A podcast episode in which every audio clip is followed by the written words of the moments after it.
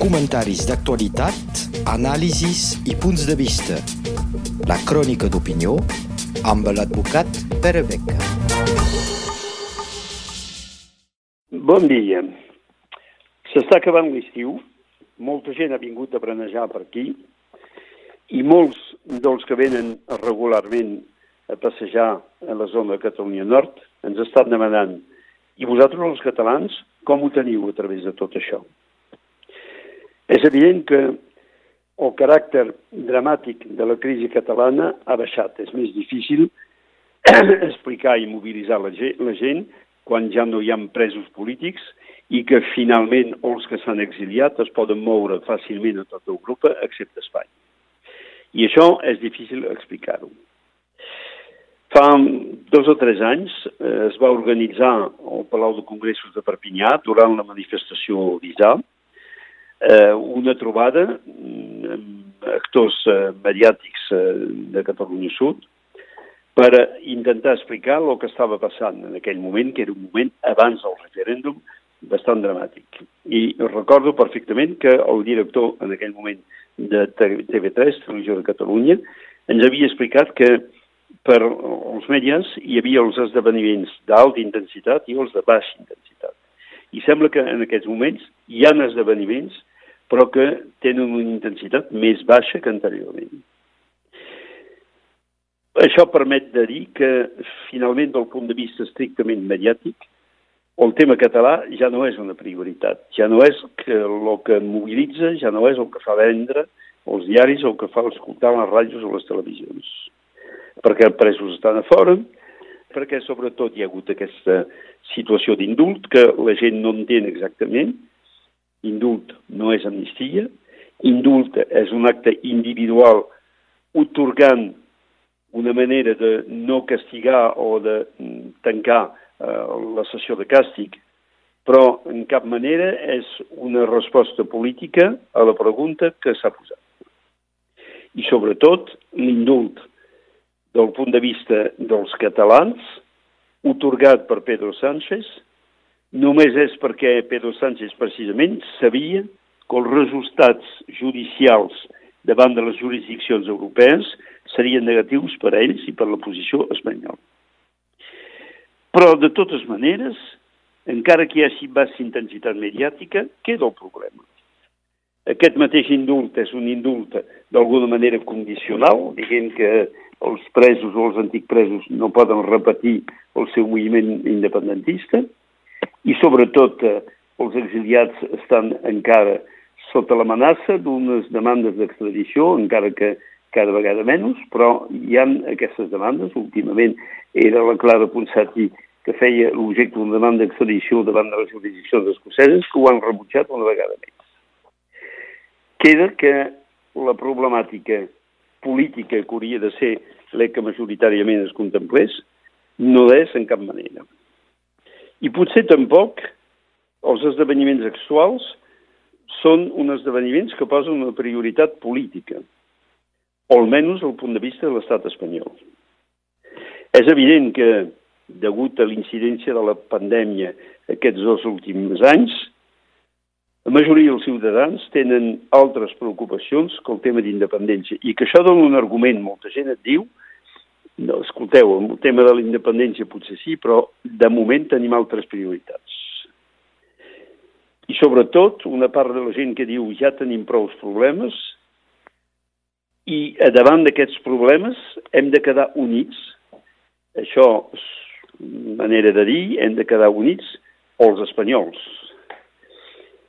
i aquesta mm, prioritat o baixa de prioritat política s'hi afegeix el fet que l'estat espanyol estan governant socialistes i que, evidentment, això canvia la posició de tot el moviment socialista a Catalunya, amb, ja se sap, la trencada entre el Partit Socialista de Catalunya unionista i l'ERC independentista, encara que per lo que fa de l'ERC sembla que també hagi baixat d'un to hagi baixat la reivindicació i que, mm, més que res, el silenci d'Oriol Junqueras eh, a través de les diferents manifestacions que s'organitzen, significa que està políticament, ideològicament, en una situació de desconcert, una situació difícil d'analitzar i que, encara que Junqueras hagi fet tres anys a la presó, sembla que el seu propi partit se n'hagi descuidat o no vulgui recordar.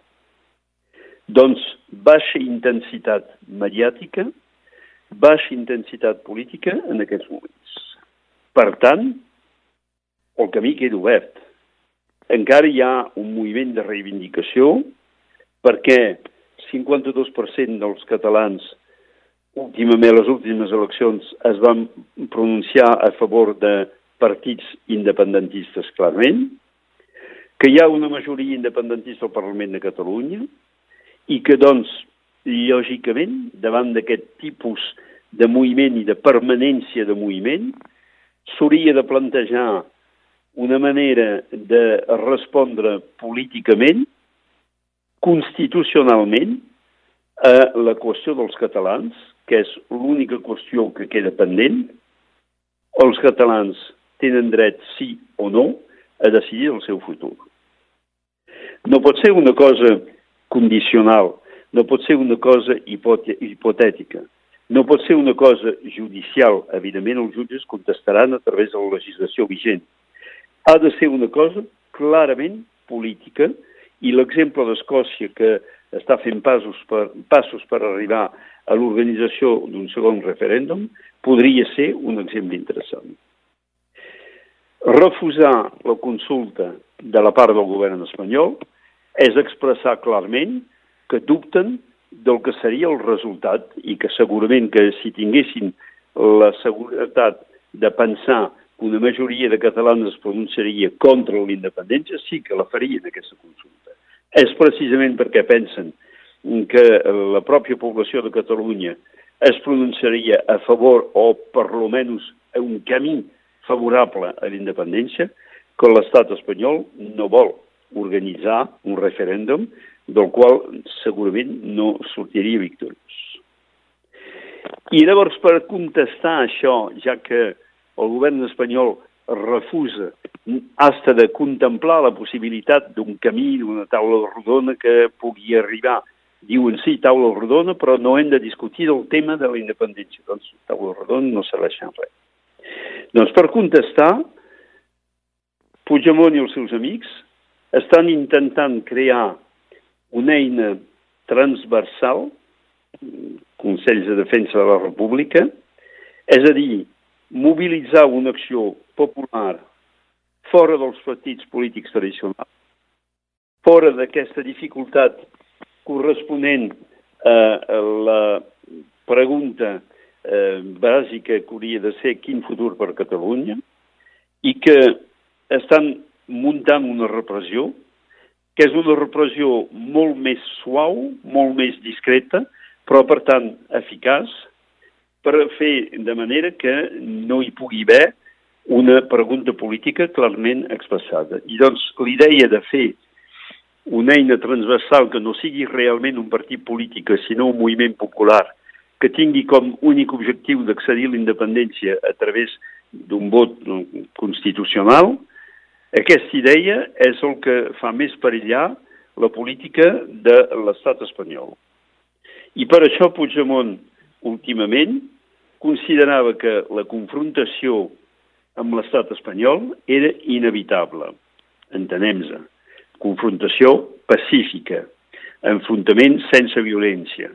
Però sí que per arribar a aixecar un moviment popular tan fort que pugui tenir el pes de crear un nou estat a nivell europeu, hi ha d'haver un enfrontament, hi ha d'haver una confrontació.